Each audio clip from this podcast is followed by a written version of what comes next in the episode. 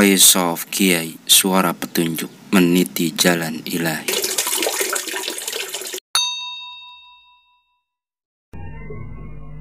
Assalamualaikum warahmatullahi wabarakatuh.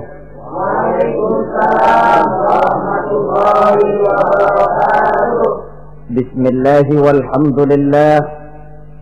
Wassalatu wassalamu ala sayyidina rasulillah سيدنا ومولانا محمد بن عبد الله وعلى آله وصحبه ومن والاه أما بعد سبحانك لا علم لنا إلا ما علمتنا إنك أنت العليم الحكيم. لا حول ولا قوة إلا بالله العلي العظيم. Saudara-saudara kaum muslimin rahimakumullah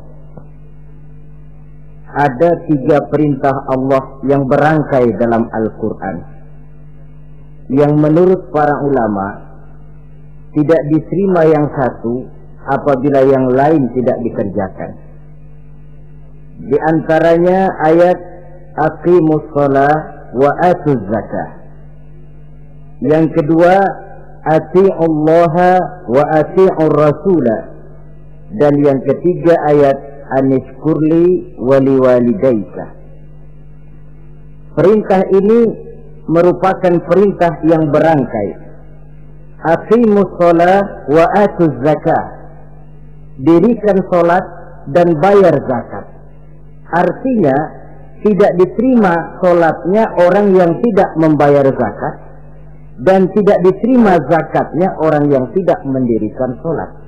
Perintah ini berangkai pada saat sholat dikerjakan zakat apabila sampai haul dan nisabnya harus dibayarkan. Begitu juga pada ayat ati Allah wa ati Rasul. Taatlah kamu kepada Allah dan taatlah kamu kepada Rasul. Tidak diterima taat kepada Allah kalau membelakangi Rasul dan tidak diterima mentaati Rasul kalau tidak mentaati Allah keduanya berangkai dan tidak terpisahkan satu dengan lainnya. Taat kepada Allah artinya harus taat juga kepada Rasul. Mengamalkan Quran artinya juga harus dengan mengamalkan sunnah. Oleh karenanya sering diingatkan, usaha memisahkan umat Islam dari Islamnya selalu diawali dengan memisahkan umat Islam dari ulamanya dan ini bukan urusan baru. Sejak zaman dahulu orang-orang yang anti kepada Islam selalu berusaha memisahkan umat Islam dengan Islamnya.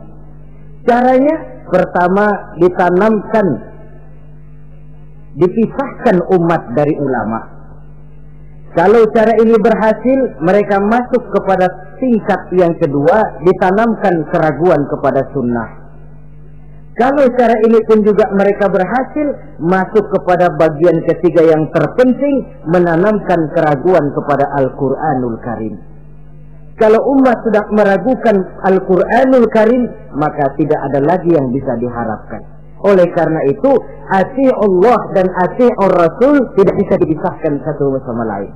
Apabila kita mengamalkan ajaran Quran, seiring dengan itu kita juga harus menegakkan sunnahnya.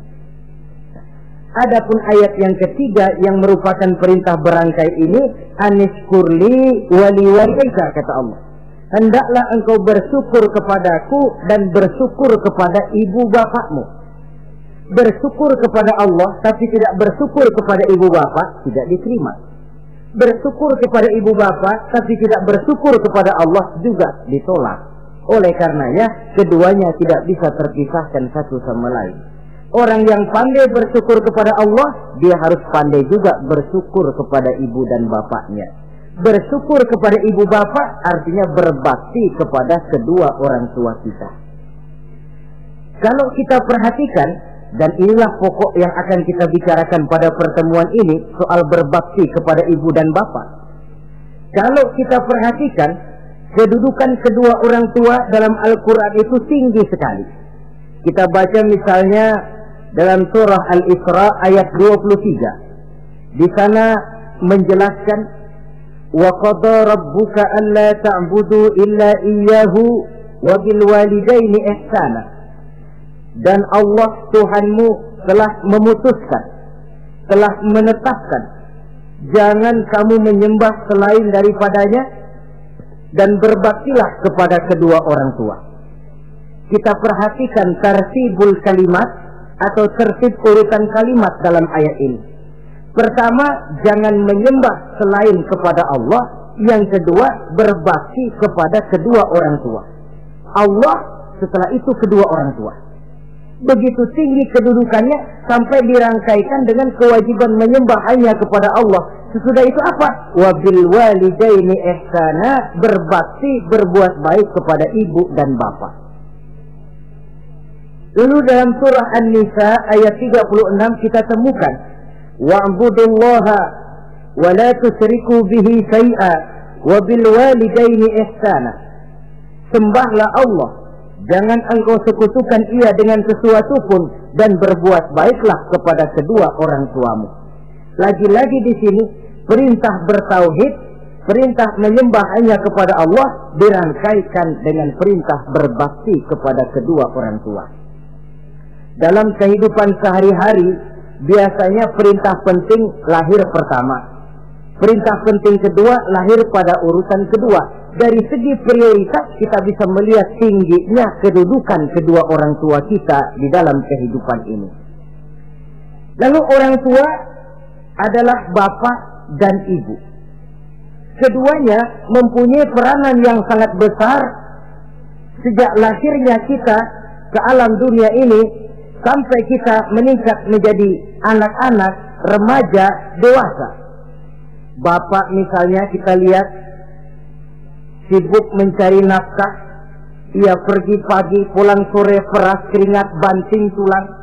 Karena cita dan harapan agar anaknya kelak hidup lebih baik dari dia sekarang ini. Dan untuk itu dia rela peras keringat, banting tulang. Seolah-olah dia berkata, ayahmu biarlah kaki jadi kepala, kepala jadi kaki asal kau kelak jadi orang. Yang kadang-kadang setelah kita sang anak ini jadi orang, sering lupa kacang akan kulitnya. Sehingga boleh jadi orang lalu berkata, kalau orang tua kaya, anak jadi raja. Kalau orang tua, kalau anak yang kaya, orang tua sering jadi budak. Orang tua kaya, anak jadi raja. Apa yang dia mau jadi kenyataan. Tapi kalau anak yang kaya, kadang-kadang orang tuanya yang jadi budaknya. Lalu di samping sibuk mencari nafkah, Bapak juga memberikan perlindungan dalam kehidupan ini. Menjadi simbol wibawa yang pada suatu saat kita akan merasakannya kalau dia sudah tidak ada. Begitu barangkali kecenderungan orang, seperti kata Imam Al-Ghazali, kamu baru merasa pentingnya suatu nikmat kalau dia sudah hilang dari diri kamu. Kita baru terasa pentingnya sehat kalau lagi sakit. Baru tahu pentingnya gigi kalau lagi sakit gigi baru tahu pentingnya telinga kalau lagi budak. Tetapi pada saat normal kita menganggap itu sesuatu yang biasa. Bukankah keberadaan seorang bapak dalam hidup ini di samping dia pelindung juga menjadi simbol wibawa dalam kehidupan di masyarakat. Orang sering berkata, gue bukan takut sama lo, gue segan sama orang tua lo. Masih ada yang disegeni, masih ada yang dihormati. Pantas saja kalau kita ambil dari sejarah, ketika baginda Rasul ditinggal wafat oleh Khadijah, oleh pamannya Abu Talib, gangguan kafir Quraisy makin meningkat. Kenapa? Kemarin-marin mereka mau menghadang Nabi, mau menghantam Nabi, masih mandang Khadijah binti Khuwailid, seorang bekas janda bangsawan. Mereka masih memandang Abu Talib, orang tua yang disegani. Sekarang dua-duanya sudah tidak ada, apalagi yang mau disegani, hantam saja sudah Muhammad itu pun dirasakan oleh pribadi Nabi kita. Saudara-saudara kaum muslimin, apalagi yang namanya ibu, dia lebih banyak menangani kita. Pantas kalau Rasul satu saat ditanya orang, ya Rasul, siapa sih yang paling harus saya taati di dunia ini? Ibumu. Lalu siapa lagi ya Rasul? Ibumu. Kemudian setelah itu siapa ya Rasul? Ibumu. Sesudah itu siapa ya Rasul? Bapakmu. Ibu, ibu, ibu. Baru bapak. Tiga berbanding satu. Kenapa harus begitu? Kita lihat. Pertama yang namanya ibu, sejak proses kehamilannya sudah istilah Quran amalathu wahnan ala wahnin. Dia mengandung kita dalam keberatan yang bertumpuk di atas keberatan. Berat kuadrat. Bahkan sebelum itu, sejak ngidam anaknya, ibu kita itu sudah kita siksa. Yang kepengen dimakan, yang bukan-bukan. Muntah, nggak karu-karuan. Keinginan yang tidak musim. Sampai ketika terjadi proses kehamilan. Dari hari ke hari hamilnya makin lama, makin berat, makin lama, makin besar. Ke mana-mana dibawa. Belum pernah ditaruh. Ah ini berat mau ke pasar, taruh dulu sebentar. Tidak. Itu ya, saudara. Orang hamil itu ya, saya sendiri alhamdulillah belum pernah hamil. Tapi kalau kira-kira dua kilo, itu ada itu. Umpama pengen ngerasain, cari kelapa yang beratnya kira-kira dua kilo, jantung di perut ke mana-mana bawa. Apa enak kayak begitu itu? Kehamilannya makin lama makin besar, makin lama makin besar. Tidurnya pun sudah serba sulit dan serba salah. Sampai dia kepada saat kelahirannya, saat melahirkannya, berhadapan dengan dua pilihan. Kalau tidak hidup, mati. Dan seorang suami tidak pernah menghadapi saat-saat kritis macam gitu. Paling-paling waktu istrinya melahirkan, dia cuma nungguin di depan pintu. Bingung, gelisah, tapi masih sempat ngerokok. Si istri sudah pasrah berhadapan dengan kalau tidak hidup, mati. Saudara hadirin yang saya hormati. Dalam pilihan itu dia lahirkan anaknya ke alam ini. Dan maha adil Allah. Andai kata pun seorang perempuan kalah dalam perjuangan ketika melahirkan anaknya, dia meninggal, dia mendapat pahala seperti orang yang mati syahid. Sebab orang mati syahid itu ada tiga macam. Ada syahid dunia akhirat. Ini orang yang pergi perang membela agama, niatnya karena Allah, dia gugur di medan perang, syahid dunia akhirat. Tidak usah dimandikan, dikafankan, disolatkan, dikubur dengan pakaian yang dia pakai, yang berlumur darah itu. Yang kedua ada orang mendapat syahid akhirat. Artinya mendapat pahala seperti pahalanya orang yang mati syahid. Tetapi jenazahnya tetap wajib diurus seperti biasa, dimandikan, dikafankan, disolatkan. Hanya pahalanya seperti pahala orang mati syahid. Siapa mereka? Al-Gharib, orang yang mati tenggelam, kelep di kali, itu mati syahid, syahid akhirat. Apalagi sahibul hadmi, orang yang tertimpa benda keras secara mendadak, mati syahid, syahid akhirat di dunianya tetap wajib diurus seperti biasa. Saudara lagi jalan enak-enak ketiban batu dua ton. Mati mendapat pahala syahid syahid akhirat, tapi jangan diniatin. Kalau diniatin ah saya mah pilih selap aja dah. Lu nyebur ke kali mati syahid, tidak. Konyol malah itu bunuh diri namanya. Nah, di antaranya yang mati syahid itu perempuan yang meninggal pada saat melahirkan anaknya. Tapi masalah kita dalam pilihan antara hidup dan mati dia lahirkan anaknya ke alam ini. Lalu proses mengasuh dan membesarkan lebih banyak sang ibu ketimbang sang bapak. Tengah malam bapaknya sudah asik tidur lelah. Si ibu masih saja berkutat dengan anak bayinya dibungkusnya pakaian, si anak pun pipis digantinya itu. Setelah itu digaganya juga dari gigitan nyamuk. Sehingga pepatah bilang kasih ibu sepanjang jalan, kasih anak sepanjang galah. Ini berarti bahwa bagaimanapun upaya hendak menebus jasa daripada ibu memang sulit untuk tersebut. Oleh karenanya saudara-saudara, Pantas saja kalau Nabi sampai tiga kali ibumu, ibumu, ibumu. Setelah itu bapakmu.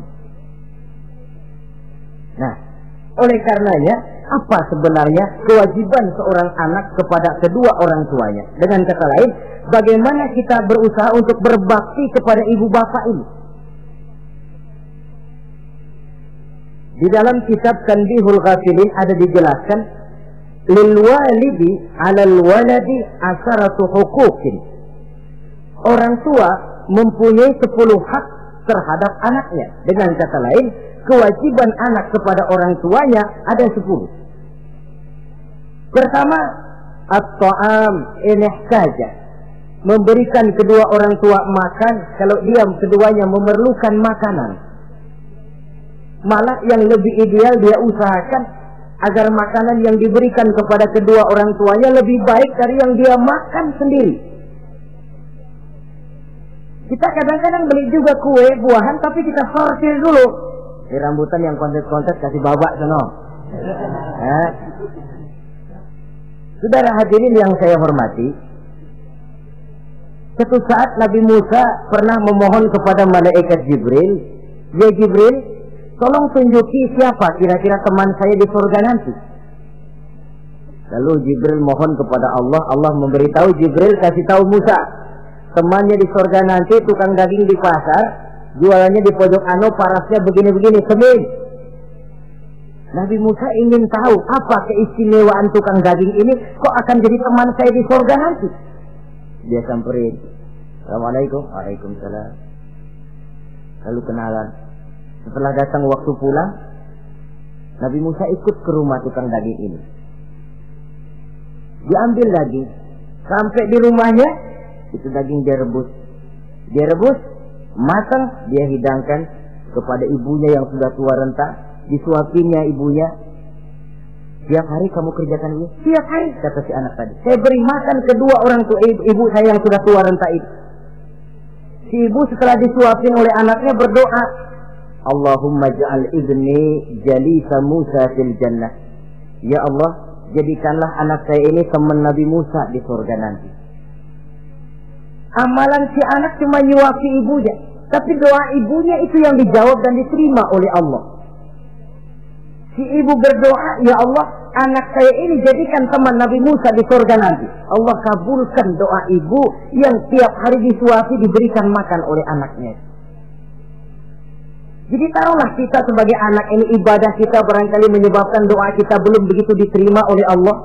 Permohonan kita barangkali masih nyangkut di langit. Tapi jika kita bisa menyenangkan hati ibu bapak, oh ibu bapak kita yang mendoakan kita, insya Allah makbul. Sebab orang tua itu doanya makbul, sumpahnya juga manjur. Kalau ibu sudah berkata, nak, air mata yang tertumpah terurai untuk mengasuh dan membesarkanmu, nak, air susu ibu yang kau minum sampai kau tumbuh menjadi dewasa semacam ini, seluruh cucuran keringat dan jerih payah ibu-ibu rela nak. Mudah-mudahan kau jadi orang berguna. Insya Allah hidup ada berkahnya tapi kalau hati orang tua sudah masgul apalagi sampai keluar sumpahnya banyak legenda-legenda entah itu yang namanya si Malin Kundang anak Durhako entah itu riwayat-riwayat lain yang menjelaskan bahwa tidak ada keberkahan yang bisa tegak tanpa doa dari ibu dan bapak Saudara-saudara kaum muslimin yang saya hormati, memberikan makan kepada kedua orang tua. Sekarang kalau kedua orang tua mampu bagaimana? Tidak jadi soal. Tidak jadi soal orang tua mampu atau tidak kita memberikan, mengirimkan makanan. Apalagi kalau orang tua kita sudah lanjut usianya, ialah kalau umur 4-50 tahun masih bisa makan sendiri.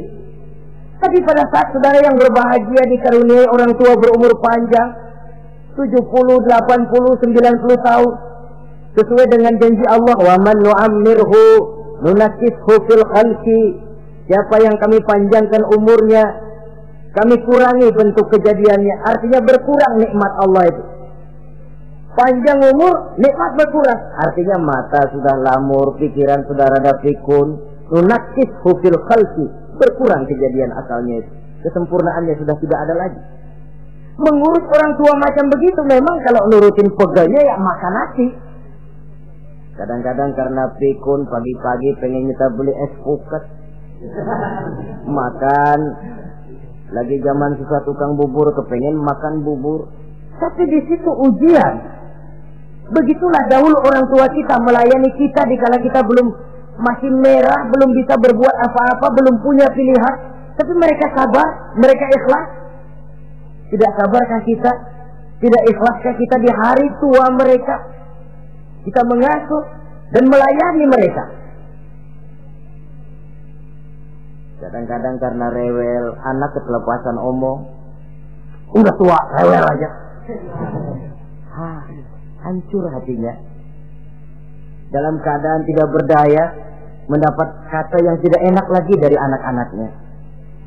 Saudara hadirin yang saya hormati, jadi soal orang tua mampu atau tidak memberi makan makan itu bukan soal, tapi kewajiban anak memberikan makan kepada kedua orang tuanya. Ini kewajiban yang pertama. Kewajiban yang kedua, al-khidmatu ini saja. Al-khidmah artinya berbakti kepada ibu dan bapak.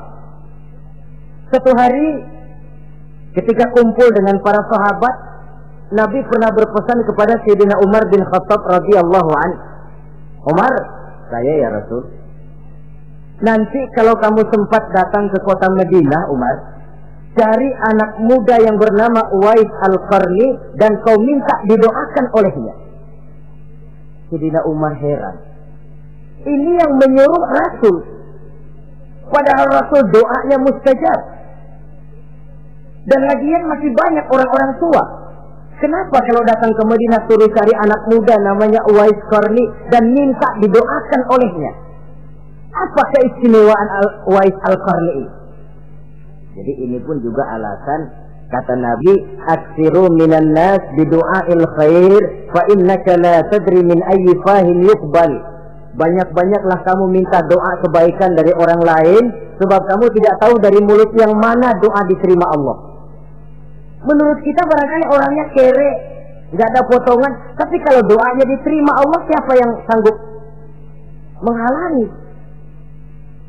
Ada orang bilang, enakan doa sendiri langsung mantap tidak jelek tapi minta didoakan orang lain pun tidak salah saudara-saudara yang saya hormati kadang-kadang tukang minta-minta pengemis datang ke rumah kita kasih 100 rupiah lalu keluar doanya kan mudah-mudahan rezekinya bapak lancar dan segala macam ada orang yang nggak sabar dia bilang Allah kenapa saya kamu doain doain dirimu sendiri aja dah supaya besok jangan jadi pengemis lagi Secara logika mungkin, secara logika. Tapi agama bukan cuma logika. Siapa tahu dan siapa yang bisa menghalangi kalau doa dari mulut tukang pengemis itu yang diterima Allah? Tidak seorang pun yang tahu. Nah, Sayyidina Umar heran apa sih keistimewaan Uwais Al-Qarni ini? Ketika beliau ke Madinah diselidiki apa keistimewaan si Uwais ini? masih muda, tapi saya oleh Nabi disuruh temuin dan minta didoakan olehnya. Nah, jadi dalam pandangan Allah itu ya nggak ngurus tuanya, yang abdul itu yang tua dan banyak ibadahnya dekat dengan Allah. Tapi kalau tuanya cuma kejemur, ya yang mending-mending yang muda dan banyak ibadahnya. Uwais Al-Qarni ini contoh. Apa ibadah Uwais Al-Qarni? ternyata dia seorang anak yang sangat berbakti kepada ibunya. Ayahnya sudah meninggal. Dia pernah menggendong ibunya dari Madinah ke Mekah cuma untuk bikin haji dan untuk bertemu dengan Rasul. Sayang, tidak sempat bertemu dengan Rasul. Menggendong ibu dari Madinah ke Mekah itu kira-kira 465 kilo ya. Jakarta Semarang. Digendong ibunya kita kadang-kadang ibu kita ini sudah sakit payah. Mau ke dokter saja. Masih manggil orang. Tolongin tolongin mak gono. Masih minta tolongin. Berat kita. Uwais Al-Qarni menggendong ibunya. Cuma untuk menunaikan ibadah haji dan bertemu dengan Rasul. Rupanya karomahnya. Ya, karomahnya itu muncul. Karena dia merupakan anak yang sangat bakti kepada ibunya.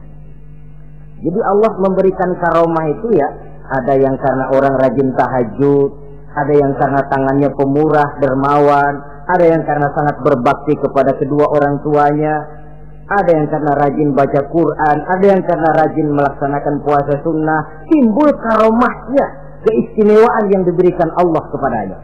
Jadi bakti kepada ibu dan bapak mendatangkan karomah, keistimewaan yang diberikan Allah kepada kita. Kayak Uwais Al-Qarni. Kalau dilihat dari segi ibadah, dia masih muda. Tentu lebih banyak ibadahnya macam Umar bin Khattab. Tapi karena baktinya kepada ibunya, sampai Nabi pesan Sayyidina Umar, kalau kau sempat ke Madinah, cari anak muda bernama Uwais Al-Qarni, minta didoakan olehnya. Artinya doanya dikabul oleh Allah Subhanahu wa taala. Saudara-saudara kaum muslimin yang berbahagia. Kewajiban yang ketiga, al-ijabatu in da'a. Menjawab, memenuhi panggilan orang tua apabila keduanya memanggilmu. Menjawab panggilan kedua orang tua. Dan cara menjawab ini pun Al-Quran memberikan tuntunan etiknya. Wala takun lahuma uffin Jangan kepada kedua orang tuamu ngomong up. Up, hus, oi. Itu dianggap kurang etis. Saudara hadirin yang saya muliakan, menjawab panggilan orang tua merupakan kewajiban anak dan merupakan hak dari orang tuanya. Dia berhak untuk dijawab panggilannya dan anak berkewajiban untuk menjawab panggilan orang tuanya. Voice of Kiai mari kita ikuti satu riwayat bahwa ada seorang anak muda yang soleh tekun melaksanakan ibadah namanya Jurai. Satu hari Jurai ini sedang sholat, sholat sunnah.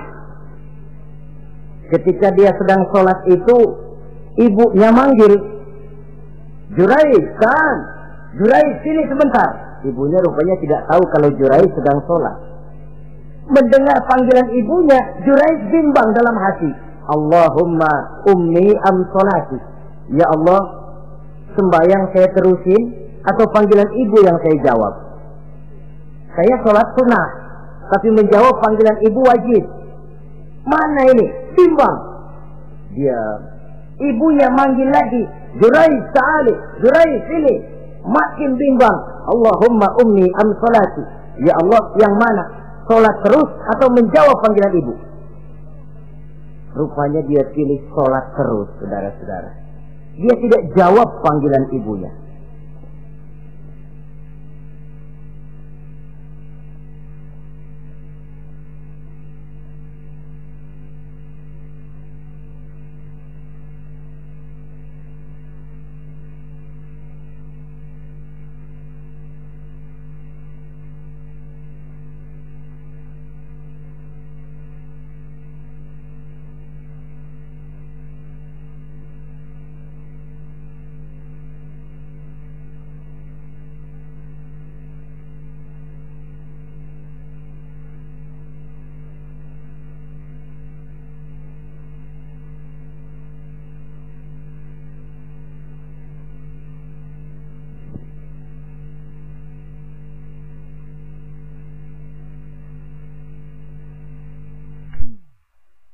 Karena panggilannya tidak dijawab ini, mangkel rupanya hati sang ibu.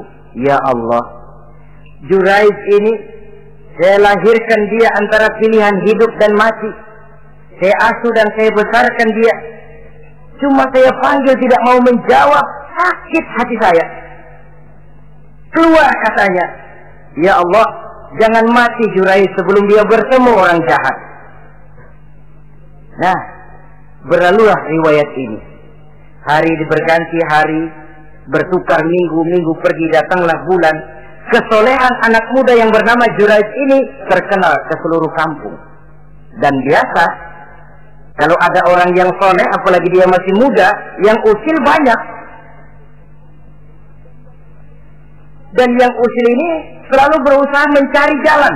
Bagaimana menghancurkan Juraid ini.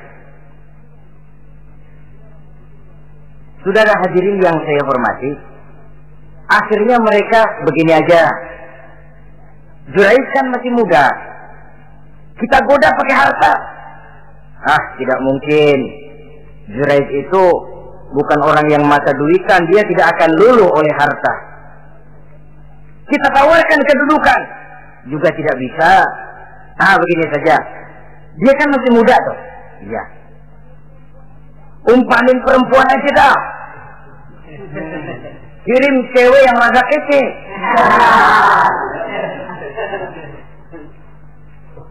Dicarilah perempuan untuk menggoda Jurais ini. Sampai satu malam Jurais sedang ibadah di mihrab dalam masjid. Masuk perempuan ini dengan langkah gemulai, dengan suara merdu mendayu-dayu, mencoba merayu, membujuk, mempedaya, mempesona Jurais. Tapi nggak kena. Sejak dari berpakaian lengkap si perempuan ini sampai bahasa Arabnya Orianun Solik tanpa keselai benang pun lagi lekat di badannya. Menggoda Jurais, memegang Jurais, muter-muter di depan Jurais tanpa selembar benang pun lekat di badannya. Jurais mantap. Si perempuan karena sudah kadang merasa dibayar lalu nggak berhasil kan malu. Akhirnya dia keluar dari masjid, dia pergi ke sebuah kampung, di sana dia berzina dengan seorang pengembala kambing. Dan hamil. Ketika hamilnya besar, si perempuan ini ke mana-mana pidato. Saudara-saudara, kenal nggak Jurais? Kenal. Yang katanya rajin benar ibadah tuh, yang mainannya di masjid melulu, yang mainannya tasbih melulu, nih perut saya nih. Dia urusannya tuh. Jurais, apa betul? Oh, oh. Akhirnya Jurais dicari orang macam-macam yang caci maki, bahkan ada yang yang bikin pakai batu sampai berdarah kakinya, berdarah tangannya. Caci maki orang sudah nggak karu-karuan. Masjid lu ya, topeng doang lo. Saudara hadirin yang saya hormati, kita lihat di sini, Jurai sedang sholat sunnah. Dipanggil oleh ibunya, tidak menjawab. Cuma itu ilatnya. Dan ibunya pun tidak tahu kalau Jurai sedang sholat. Keluar omongan yang tidak enak dan omongan itu manjur. Kata Jurai, saudara-saudara begini. Apakah di antara saudara-saudara ada yang lihat saya melakukan zina dengan perempuan ini? Tidak ada. Lalu atas dasar apa saudara menuduh saya? Ya pengakuan si perempuan tadi. Nggak bisa dong kalau nggak ada saksi. Sekarang begini saja. Bagaimanapun saya ngotot, saudara nggak percaya, kita tunggu saja sampai si bayi ini lahir. Kita tanya dia nanti siapa bapaknya. Baiklah kalau begitu. Ditunggulah saat kelahiran sang bayi. Begitu bayi itu lahir ke alam ini, bron merah, masih orok. Setelah dibersihkan, ditekan perutnya oleh Juraid, ya gulam, kul man amr. Eh, bayi, tolong kasih tahu siapa bapakmu. Dengan izin Allah itu orok bayi yang masih merah ngomong. Bapak saya tukang ngangon kambing di kampung Ano. Kata Jurais tuh kan. Gua tuh juga bukan gua ya. Gak percaya sih ente main sabot aja. Begini akhirnya nih. Ternyata sedang sholat sunnah dipanggil tidak menjawab ibunya mangkel keluar omongan tidak enak itu masih manjur apalagi kalau nggak lagi ngapa-ngapain dipanggil nggak jawab atau menjawab dengan panggilan yang nyakitin hati tentu saja lebih manjur lagi ucapan orang tua kita itu Saudara-saudara yang saya hormati, jadi kewajiban ini al ijabatu inda'a, menjawab apabila dipanggil. Teorinya mudah ini, prakteknya yang sulit. Pada suatu saat kita sedang menghadapi urusan yang sangat penting, orang tua manggil. Pada suatu saat kita sedang menghadapi tamu untuk sesuatu yang vital, orang tua manggil. Pada saat semacam itu, seperti ada hadis tuan rumah wajib menghormati tamu. Itu sih mudah dalam situasi normal. Tapi coba malam kita sudah nggak tidur, begitu mau tidur baru mau ngeliat assalamualaikum tamu. Kondisi begini untuk mengamalkan hadis tadi bisa apa tidak menghormati tamu dalam kondisi yang memang kita ini sudah mestinya istirahat. Mestinya kan hati kita. Kamu nggak tahu diri banget, gue mau tidur. Datang. Kalau kondisinya normal, menghormati tamu bukan sesuatu yang sulit. Begitu juga menjawab panggilan orang tua ini. Kalau kondisinya normal, mudah. Tapi dalam kondisi di mana kita berhadapan dengan pilihan ini atau ini, di situ akan kelihatan bakti anak kepada kedua orang tuanya. Yang keempat, kewajiban anak al-ita'atu in amara ghairi maksiyatin. Taat kepada ibu bapak sepanjang perintahnya tidak untuk maksiat kepada Allah. Kalau sudah perintahnya untuk maksiat, gugur kewajiban untuk taat. Umpamanya ada orang tua ngajak anaknya, Nah, Om, warung pojok yuk. Ngapain, Mbak? Kita teler. Umpama anak tidak wajib taat. Voice of Kiai. Atau ada orang tua musyawarah sama anaknya. Nah, gimana kalau kita pindah agama saja? Tidak wajib taat. Sepanjang perintah itu tidak untuk melakukan maksiat kepada Allah, anak wajib taat. Dan jangan lupa, kewajiban taat kepada kedua orang tua di bawah kewajiban taat kepada Allah dan Rasulnya. Allah dan Rasulnya, setelah itu ibu bapak.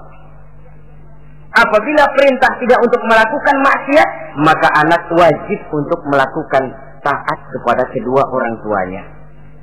Ini kewajiban yang keempat.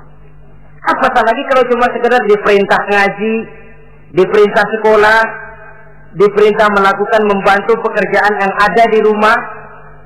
Itu sudah perintah yang di samping bermanfaat buat keluarga, juga menyangkut hari depan kita sendiri sebagai anak.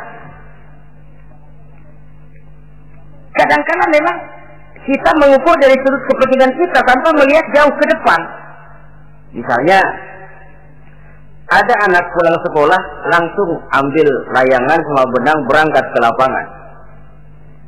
Orang tua karena melihat jauh ke depan, hm, anak ini lelahnya belum hilang.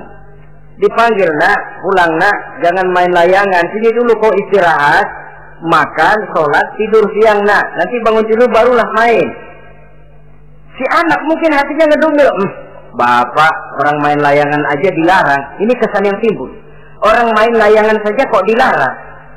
Padahal larangan ini adalah untuk kemanfaatan dan kemaslahatan si anak itu sendiri. Tapi anak tidak mau mengerti. Yang dia tahu, dia dilarang main layangan. Itu cuma karena pandangannya yang tidak jauh menerawang ke depan. Pepatah bilang, sekejam-kejamnya macan tidak ada yang makan anaknya sendiri. Artinya bagaimanapun kondisinya orang tua itu tidak ada yang akan sampai untuk menyengsarakan anaknya. Saudara-saudara kaum muslimin rahimakumullah. Jadi yang keempat kewajiban untuk taat sepanjang tidak melakukan maksiat kepada Allah Subhanahu wa taala. Yang kelima, at-takallum ma'ahu bil Apabila bercakap-cakap dengan kedua orang tua, hendaklah dengan tutur kata yang lemah lembut. Wala tanharhuma wala taqul lahuma uffin wa qul lahuma qawlan karima. Jangan membentak, jangan uff uff saja, hus saja itu sudah tercela dan tidak boleh menurut ajaran agama. Apatah lagi sampai membentak, maaf maaf, apalagi sampai melakukan tindakan kekerasan menendang orang tua, naudzubillah, summa naudzubillah, memukul orang tua sendiri, Allah karim. Orang tua yang menyebabkan secara zahir keberadaan dia ke alam ini sampai hati ditendang, dipukul, dibangsat-bangsati. Tidak ada kedurhakaan yang lebih berat selain daripada kedurhakaan kepada kedua orang tua sesudah orang menyekutukan Allah. Sehingga pantas kalau Nabi memberikan fonis ridullah fi ridul walidain wa suhtullah fi suhtul walidain. keredoan Allah di dalam keredoan ibu bapak dan murka Allah pun berada dalam kemurkaan ibu bapak. Ibu bapak ridho, Allah insya Allah ridho. Ibu bapak murka, Allah murka. Jadi kebahagiaan apa yang bisa kita tegakkan dalam hidup tanpa restu dan doa kedua orang tua kita?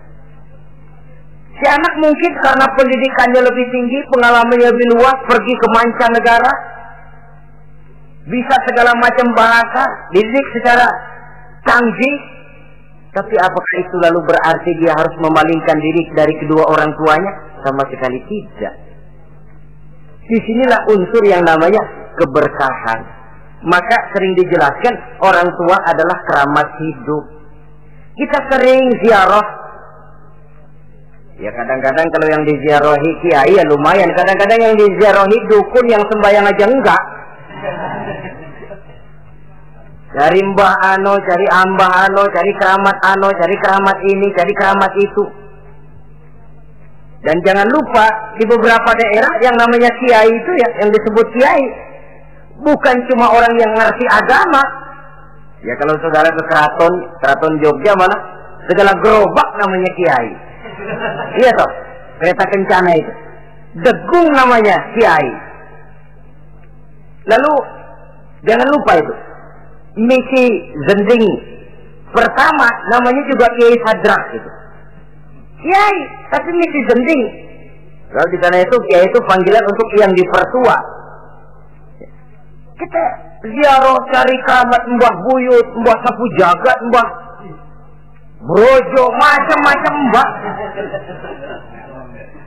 Tapi kita lupa di rumah kita ada keramat hidup.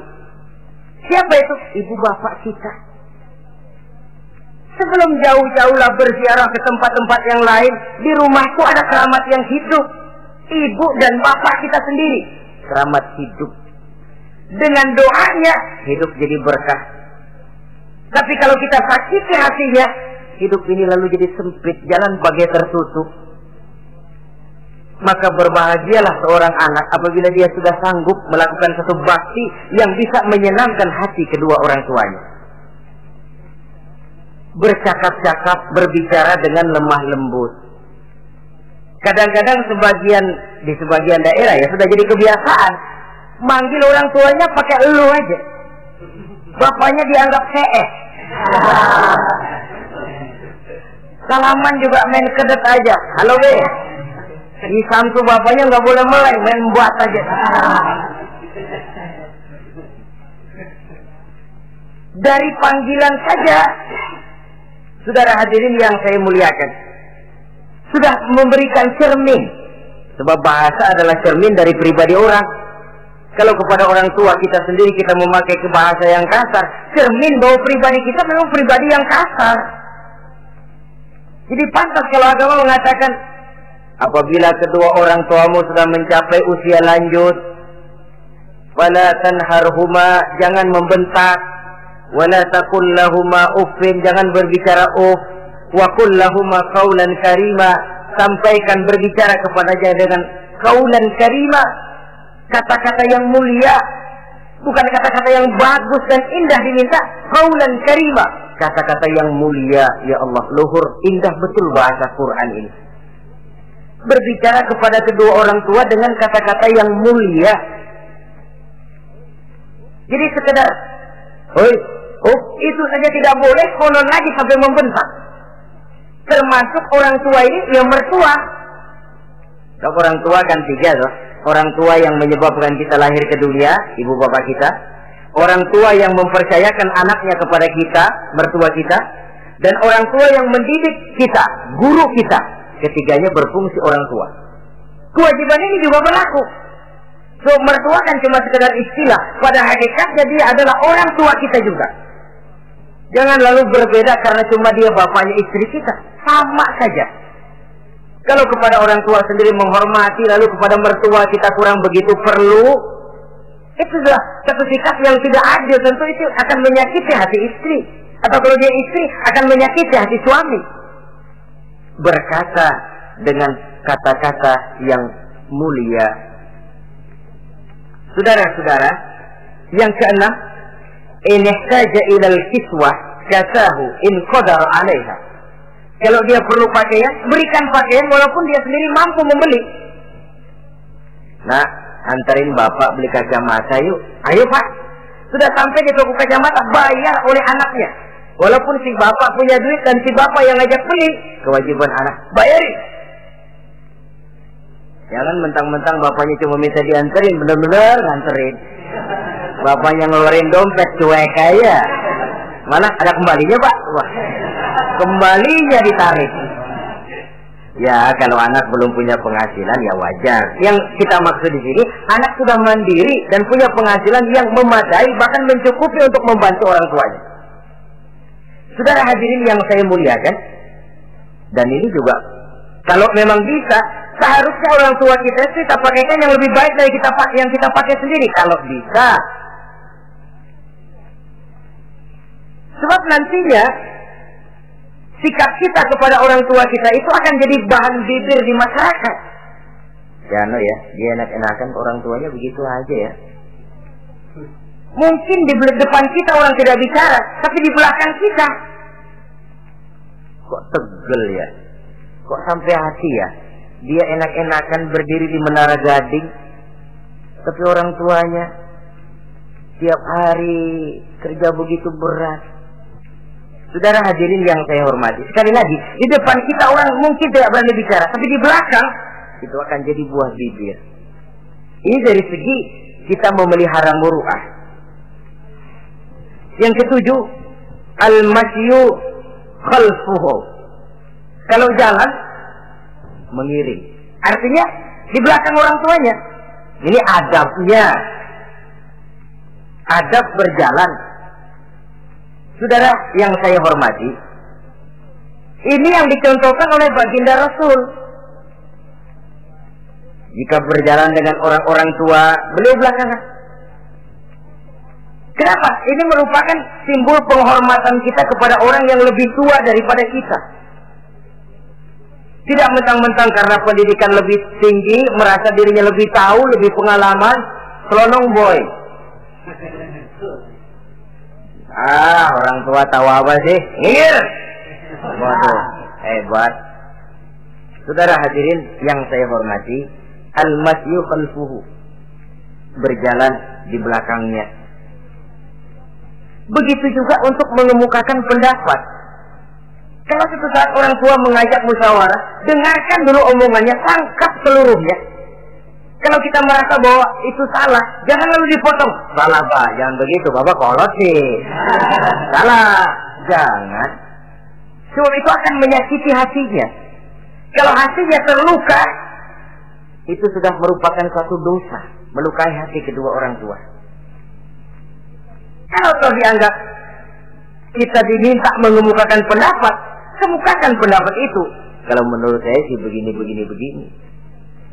Dan itu memang orang tua yang bijaksana. Dia juga tidak cuma memaksakan pendapatnya, tapi juga minta pendapat dari si anak.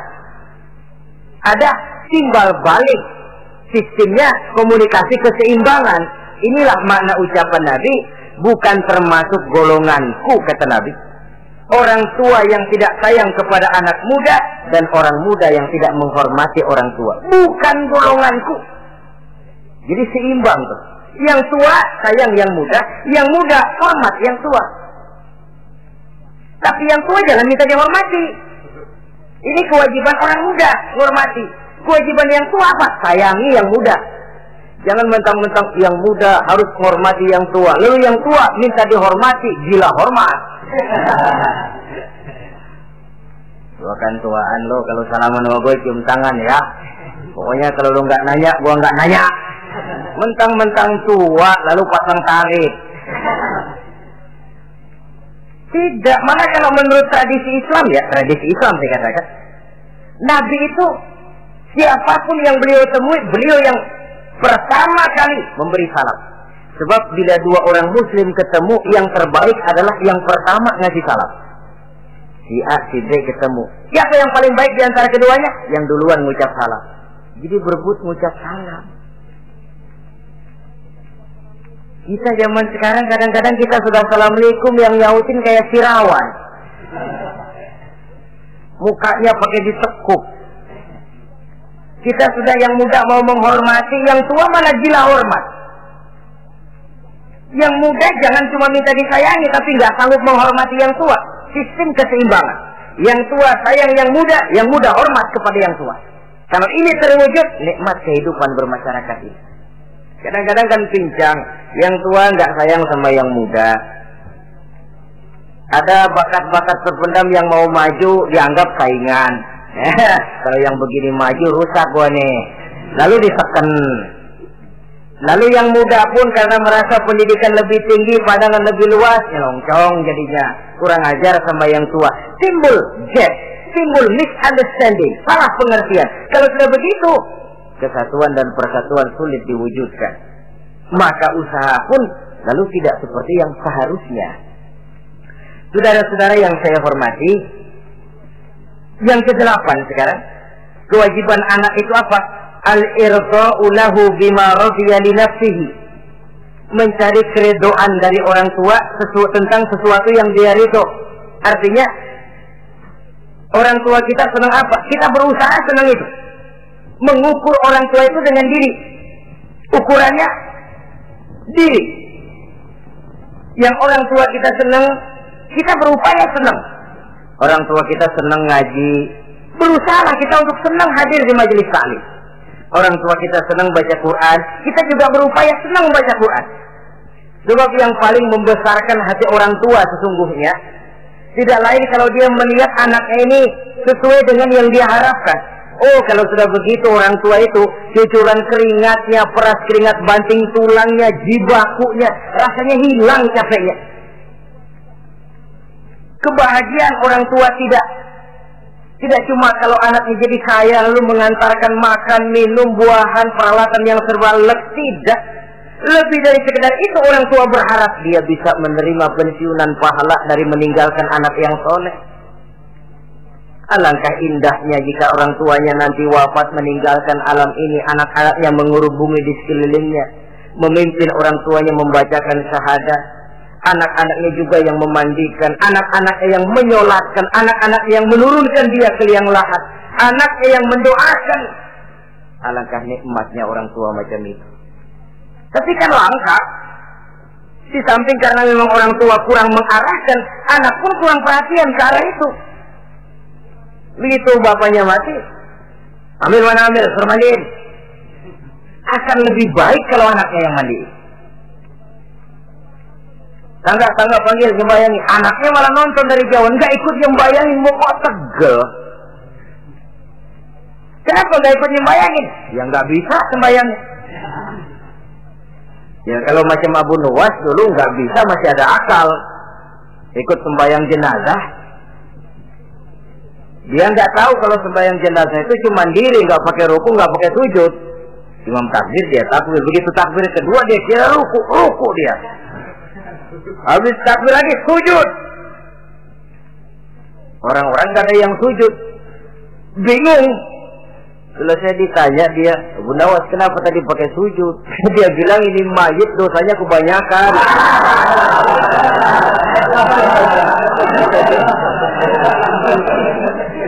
Jadi kalau nggak pakai sujud dosanya nggak diterima katanya. Dosanya nggak dikabur, diampuni kalau nggak pakai sujud. Makanya saya pakai sujud. Itu sih akal-akalan. Jawaban orang kepepet namanya. Saudara hadirin yang saya hormati, baiklah ya. Yang kesembilan, al-ikrahu lahu bima yakrahu nafsihi. Membenci apa yang dibenci oleh orang tuanya. Orang tua kita nggak senang judi, jangan dekati judi. Orang tua kita nggak suka minuman keras, jangan cekek botol. Orang tua kita nggak senang kalau kita pulang sampai pagi misalnya, jangan pulang pagi. Orang tua kita nggak senang kita hanyut dalam arus pergaulan bebas, batasi pergaulan untuk menjaga hatinya. Kalau kita senang, tapi di depan orang tua kan harus berusaha menjaga hati kedua orang tua kita. Ini tidak berarti bahwa di depan orang tua baik lalu di belakang orang tua merdeka. Eh kalau di depan orang tua mah kalem, begitu orang tua hilang merdeka. Lalu berbuat semau-maunya tentu tidak. Lalu yang ke sepuluh, doa lahu bil li nafsihi. Mendoakan kedua orang tuanya tiap kali dia mendoakan dirinya. Ya, kewajiban anak tidak lupa tiap kali berdoa untuk dirinya. Orang tuanya disertakan. Rabbil firli wali walidayya. Ampuni saya dan ampuni dosa ibu bapak saya. Pak, itu kalau orang tua masih hidup, ya. Sekarang kalau orang tua sudah meninggal, bagaimana berbaktinya? Gampang. Pertama, antasila akrabaihima. Bersilaturahmi dengan kerabat yang ditinggalkan oleh orang tuanya. Jadi jangan setelah orang tua mati lalu kehabisan obor. Orang tuanya kita senang, anaknya kita benci. Sama aja ngebenciin orang tuanya. Kan sering kejadian begitu. Zaman orang tuanya masih hidup, kawan medok, kawan lengket, orang tuanya udah mati, turunannya malah dimusuhin. Itu juga nyakitin orang yang sudah meninggal. Bersilaturahmi dengan kerabat yang ditinggalkan. Yang kedua, kalau orang tua sudah meninggal, cara berbuat baiknya bagaimana? Antastaghfirulahuma wa tad'u Nih mohon ampun dan mendoakan keduanya. Itulah jadi orang soleh nikmatnya. Sudah mati pun orang kita masih kebagian doa. Orang soleh ke mana-mana didoakan orang. Dia lagi tidur, ada yang sembahyang. Dalam tahiyat dia baca Assalamu alayna wa ala ibadillahi solihin. Ya Allah berikan keselamatan kepada kami dan kepada hamba-hambamu yang soleh. Ini orang yang soleh, semua orang soleh kebagian doa itu. Walaupun dia lagi tidur. Tidurnya didoakan orang. Dia sudah mati, kuburnya diziarahi orang. Dibacakan doa. Lain kalau bajingan. Liwat di kuburannya orang serem. Bajingan kemarin mati dipendam di sana. Lu jangan lewat sana lu kesurupan. Liwat orang ngeri. Bagaimana lagi mau mendoakan? Yang ketiga orang tua yang sudah meninggal itu cara berbaktinya wa anta kalau ada rezeki bersedekah atas nama keduanya. Pak, 100 ribu untuk pembangunan masjid, saya lihat pahalanya untuk almarhum kedua orang tua saya. Insya Allah sampai. Oh, kalau tidak sampai Rasul tidak akan mengajarkan badal haji. Toh. Untuk apa? Diajarkan badal haji artinya amalan orang yang masih hidup ada kaitannya dengan orang yang sudah meninggal. Bersedekah atas nama kedua orang tua. Saudara hadirin yang saya muliakan, Mudah-mudahan Allah menjadikan kita anak yang bisa berbakti kepada kedua orang tua kita. Amin. Ini sajalah pertemuan kita yang singkat ini. Terima kasih atas segala perhatian dan mohon maaf atas segala kekurangan. Usikum wa nafsi bi taqwallah. Wassalamualaikum warahmatullahi wabarakatuh. Waalaikumsalam warahmatullahi wabarakatuh.